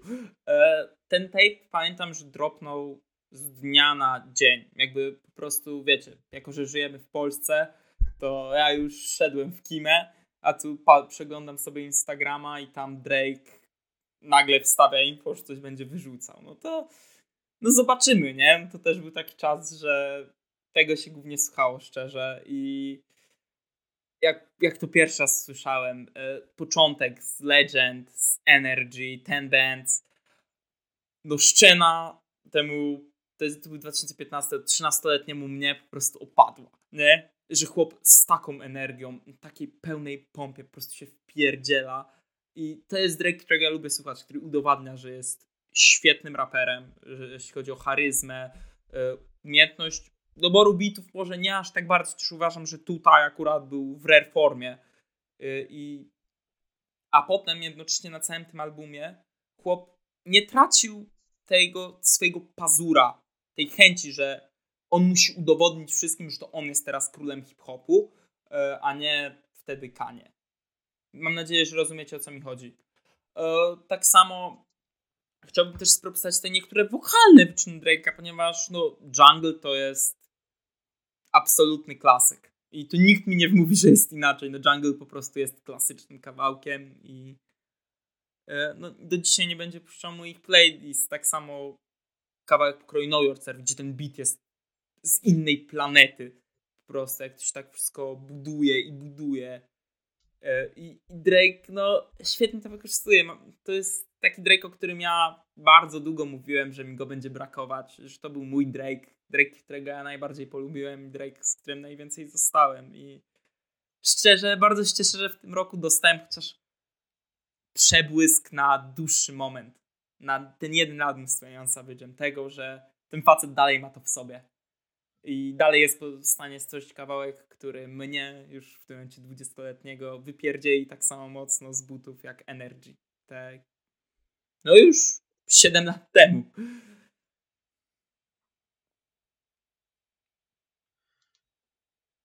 Dla mnie ten tape zawsze był taki trochę mm, dziwnym tematem, w tym sensie, że oczywiście kupowałem e, to wszystko, o czym mówi Tymon i, i też wiem, że ten tape e, dla Drake'a był w ogóle wydawany w niezwykle ważnym momencie, bo pamiętamy ten spór e, w Youngmani Lila Wayne'a z Birdmanem, co się w ogóle skończyło jakimś tam po, pozwem o 50 mil- milionów dolarów. e, czy, czy coś Blokowaniem stylu. Cartera, No piątki. właśnie, więc to była, więc to była naprawdę gruba sprawa i, i też Drake e, na tej płycie się po prostu nie, nie zatrzymuje e, w tym wszystkim, bo on, tak jak mówiłem w tej że te swoje bitwy wybiera dość ostrożnie, tutaj poleciał naprawdę grubo, bo mamy strzały w Didiego, mamy strzały w Tigę, mamy strzały w Kendricka Lamara. E, może też w Birdmana, akurat tutaj. Mi osobiście zawsze było to ciężej stwierdzić, bo jednak miałem wrażenie, że Drake woli sobie zostawić obie furtki otwarte na wszelki wypadek e, dwóch różnych rezultatów tego sporu finansowego. No ale tak, no tutaj Drake rzeczywiście rapowo jest w najlepszej dyspozycji w swojej karierze. E, no naprawdę, to, to jakie on ma flow na, na Energy, czy on to przebił kiedykolwiek e, później albo wcześniej, no nie wydaje mi się mimo wszystko, o ile on zawsze tak wiadomo funkcjonował pomiędzy tym takim śpiewanym flow, tak czy, czysto rapowo chyba tylko Stars from the Bottom może się z tym równać. E, ale też ten tape moim zdaniem jest muzycznie tak troszkę porozrzucany, bo zawsze, zawsze miałem wrażenie, że powinno to właśnie pójść w stronę taką czysto, czysto rapową, że mamy traki typu Legend albo właśnie Energy i to one powinny być jakimiś motywami przewodnimi, yy, muzycznymi w, w, tej płycie, ale jednak no, Drake, Drake jak Drake nie mógł się powstrzymać. Czy wiesz, Legend jest śpiewane jednak, co by dużo nie mówić, ten hook jest tak, typowo. Ale, no. ale, chodzi o taki nastrój, że no, tak jak on, on nawija, if I die, I'm a motherfucking legend, no. no taki prostu. głodny chłop, nie? Tak, Sukcesu. Tak, wciąż, wciąż dalej, że też Drake na tej płycie jest świadomy mimo wszystko, że on po prostu jest tą super gwiazdą i on coraz bardziej zbliża się w stronę tego swojego obecnego statusu, że on po prostu może wszystko. E, co też mi się podoba, ale co też nie jest słyszalne, mam wrażenie, na całej tej płycie, że on czasami wciąż jest trochę bardziej taki mm, schowany, jeszcze niepewny siebie i też aż mm, pamiętam kilka lat temu jeszcze, jak słuchałem tego typu, aż go popchałem do tego, no dawaj, dawaj, tak trochę zrób krok, krok do przodu, bardziej zaryzykuj, bo wtedy ten tape byłby jeszcze lepszy, a tak to mm, o ile oczywiście uważam to za dobry tape i nie mam nic przeciwko, jeżeli ktoś go ma e, na szczycie dy dyskografii Drake'a, tak mam, mam ten niedosyt czasami, jak tego słucham. Jest tych kilka tracków, które myślę sobie, że są tak trochę bardziej bezjajeczne, że te e, wybory melodyjne, wybory wokalne Drake'a powinny być trochę inne. No ale to taka, taka moja bardziej subiektywna opinia. Ja mówiłem o mentalu Jordana i ten mental Jordana tutaj jest u Drake'a po prostu wchodzi i uważa, że jest najlepszy. No jest, to jest ten Michael Jordan, on jest jak Michael Jordan palący sobie cygaro przed decydującym meczem finałowym, mówiąc spokojnie panowie, my to wygramy. Nie martwcie się, ja to załatwię. No i Drake faktycznie to załatwił, no bo e, instrumentalnie nie jest to najwyższa półka na pewno. Wydaje mi się, że tutaj są momenty, gdzie można to było podnieść, no ale ten Drake tutaj faktycznie będący w prime swojego rapu, on tutaj tutaj różnorakie flow, tutaj po prostu on, on napieprza się gołymi pięściami z innymi ludźmi. Tak można to powiedzieć i yy, słuchajcie tego fantastycznie, no Energy jak wleciało, to miałem takie gdzie jest ten Drake? Gdzie się podział ten głód i no niestety nadal nie wrócił do tego poziomu, jak to mówił Jonasz. Szczerze, gdyby wywalić te traki z Party Next Door, to miałbym to na pierwszym miejscu, ale no tutaj mimo wszystko mamy kilka absolutnie kozackich highlightów. Energy, Just z Lil Wayne'em, to jak Lil Wayne tam wchodzi, to jest absolutny szefuncio. No i outro 6pm in New York. Ja po prostu słucham sobie tego Drake'a, taki mhm, mhm. Ja czuję, jakbym zaraz sam był gotowy do napieprzania się z kimś. Także yy, no, chyba wszystko. Jakby tutaj powiedzieliście tyle. Ja tylko dodałem to od siebie. Yy, no, Kropka. 7,5 y, Energy. 8,5 Kurna, trudne. Energy chyba, ale też Know Yourself, tak na równi. 7,5 6 p.m. in New York. No i teraz jednym punktem mamy tego zwycięzcę mamy naszym zdaniem najlepszy album w dyskografii Drake'a. Nothing Was The Same. 2013 rok, e, więc zostajemy przy tym wczesnym okresie e, Drake'a, okresie, który go ukształtował, okresie, w którym zdał sobie sprawę z tego wszystkiego, co on może i okresie, w którym stworzył swoją najlepszą muzykę, więc Kuba, dlaczego Nothing Was The Same jest najlepszą płytą Drake'a? Ponieważ raz, że jest to płyta najrówniejsza, Dwa, że ma najwybitniejsze highlighty już od Tuscan Lever. Ja, już wiesz, już wiesz, że będzie dobrze, a potem jest tylko jed, lepiej Worst Behavior, e, Pound Cake, Paris Morton, Music 2, Hold On, We're Going Home. Tutaj kolejna pochwała wokalna Drake'a, ale przede wszystkim e, From Time z pierwotną, pierwszą damą TDE, czyli Gina Aiko. Taka ciekawostka, bo Aiko woziła się z TDE i występowała u nich wcześniej od seasonu, ale nie płykło im. Wydaje mi się, że wszyscy na tym zresztą lepiej trochę skorzystali, ale... Lepiej dla niej, bo by Punch blokował muzykę. No, to swoją drogą. No i prawdopodobnie dzięki temu dostaliśmy też Caesar. Ale no, From Time ma taki vibe, jakby ja odpływam w innym momencie. To jest bardzo prosty bicik, to pianinko banalne, ale e, w połączeniu z wokalami Gina i Ko wprowadza nas w inny świat. Potem ta pierwsza zwrotka Drake'a, gdzie ja mam takie I feel you, bro. I feel you. I to, to jest po prostu tyle. To jest Drake nadal y, bardzo dobrze rapujący, świetnie dobierający sobie, yy, znaczy świetnie to może za dużo powiedziane, ale bardzo dobrze dobierający sobie bity. Yy, są tutaj hity Started from the Bottom, yy, prosty traczek, ale nadal buja i nadal to jest absolutny must have, jeśli chodzi o wszelakie playlisty basketowe. No i tyle ode mnie jakby ja już jestem zbyt zmęczony, żeby cokolwiek więcej wam wymyślić, także yy, pociągnijcie temat.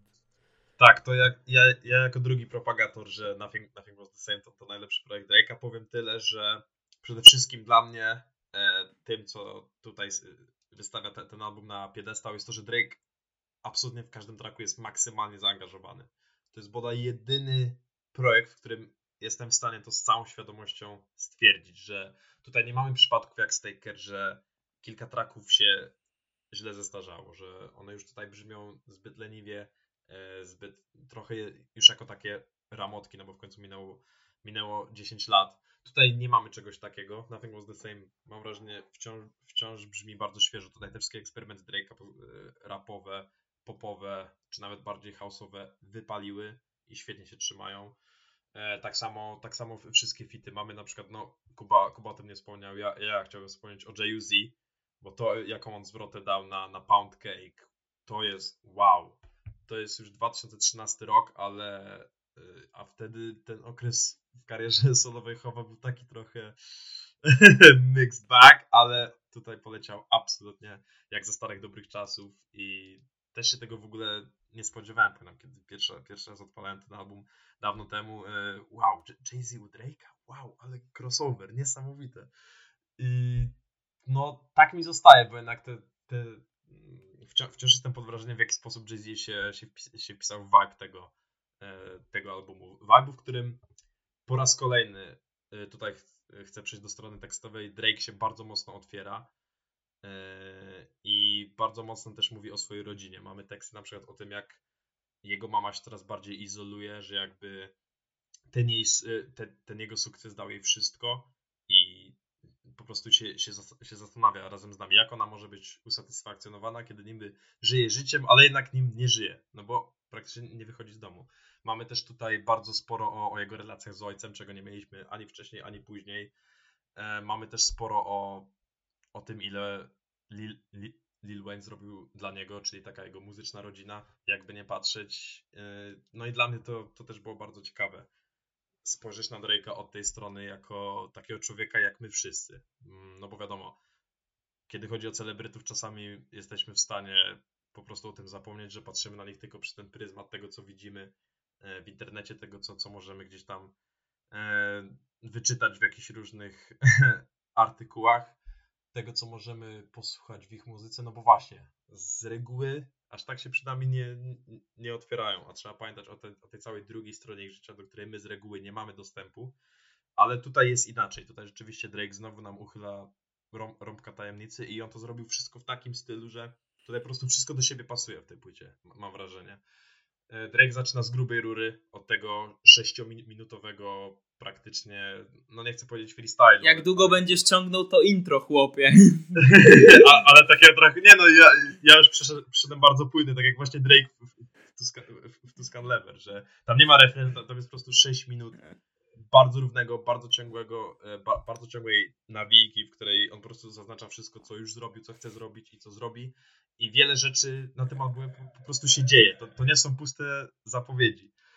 Ja mam E, nadzieję, że ty jednak wyłapałeś, że ja nawiązuję do tekstu, gdzie on to powtarza chyba przez kilka minut. Okej, okej, Tak, tak, nie, no, nie słuchaj, było, że ja na Nie, nie, nie, wjeżdżam. Miejsce, w którym to powiedziałeś, nie, nie jest przypadkowe. e, Na pewno. No i dwa największe hi- hi- highlight, highlighty dla mnie sta- Start from the Bottom, czyli podaj najlepszy przykład mem- memiczności Drake'a, ale takiej w dobrym rodzaju, bo ten track oczywiście, bo ten tekst oczywiście trafił do takiej mowy potocznej wszędzie, e, co by się, gdzie byśmy się nie znaleźli. No i oczywiście mój absolutny faworyt, moje top 3 tracków Drake'a, Hold on, we're going home. No po prostu wspaniałe. Tak. Naprawdę, rozpływam się nad tym trackiem za każdym razem. Uwielbiam te, uwielbiam te bębny, bardzo równe, uwielbiam te wokale w tle, e, samplowane od tego artysty, już totalnie zapomniałem jak on się nazywa. E, Drake jest w najwyższej formie wokalnej, absolutnie. E, No więc dla mnie Nothing Was The Same jest na- najlepszym projektem Drake'a. Gdzieś tam zawsze się zastanawiałem, czy to może jest to, czy to może jest jednak If You, if you, if you Reading This, ale przy Nothing Was The Same nie miałem poczucia, że, że Drake się tutaj marnuje jakiś potencjał. Myślę, że wycisnął absolutnie wszystkie soki z, tego, z, tej płyty i to nie jest jakieś wielkie arcydzieło, ale płyta na pewno świetna, płyta na pewno, którą bardzo mo- ła- łatwo można było zepsuć przez jakieś złe decyzje tekstowe, przez jakieś złe decyzje e, melodyjne, bo to jak bardzo szybko leci flow tej płyty i jak wiele przy okazji takich pit stopów, e, punktów życia Drake'a, punktów jego kariery zaliczamy jest naprawdę imponujące, no bo tu jest ile? 13 traków chyba tylko, no więc to nie jest jakaś wielka kobyła i myślę, że narracyjnie ten, ten projekt Drake'a jest zdecydowanie najlepszy. Tak, no zdecydowanie. To już wiesz, tak streszczę trochę, bo mamy godzinę 40 na zegarze. E, no, Pancake ma instrumental, w którym można ciąć po prostu siekierą, jeśli chodzi o atmosferę. Jest prześwietny. No już wspomniane Hold On We Going Home, gdzie bo szczerze, gdyby ktoś mi powiedział, że Drake zrobi e, synth popowy praktycznie kawałek, no to bym się śmiał. A tu zrobił i zrobił go tak dobrze, że jest to mój ulubiony kawałek z tej płyty po tylu latach.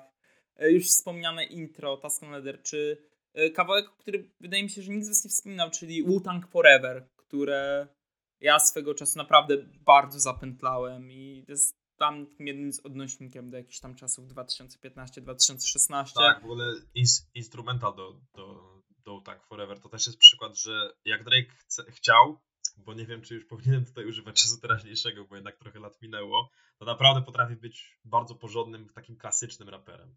Że mamy ten beat e, Rizy. bardzo oszczędny, jakiś mało, mało detaliczny, taki by, nawet aż nie pasujący do Drake'a, a on tam płynie. Dokładnie tak. I za to przeogromny prop dla niego. No chłop tutaj, no słychać, że mu się chciało, że on dalej był tym typem, który walczy o utrzymanie się po pierwszym hicie. No bo ile było takich one album wonderów? Tam kilka mixtape'ów, jeden album, mi się zabijamy, a tej chłop chciał udowodnić, że to on jest na szczycie. Że on będzie, może być komercyjnie wymieniany obok Lil Wayne'a, Kanye, Jaya, i szczerze, jak historia pokazało, co by nie mówić, dopiął swego. Jest najpopularniejszym artystą, jakiego widział ten gatunek. I z taką pozytywną myślą, jeszcze ocenki oczywiście, No dla mnie takie 8 na 10 myślę możemy wystawić i hold on we going home. Po prostu. ode mnie też 8 na 10 Hold On Going Home. No, ja dam takie 7,75.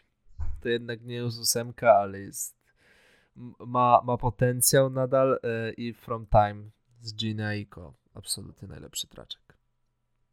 No i na tym się z wami żegnamy. Pamiętajcie, by sprawdzać brak kultury. Możecie nas obserwować na Spotify'u, możecie obserwować Twittera Kuby.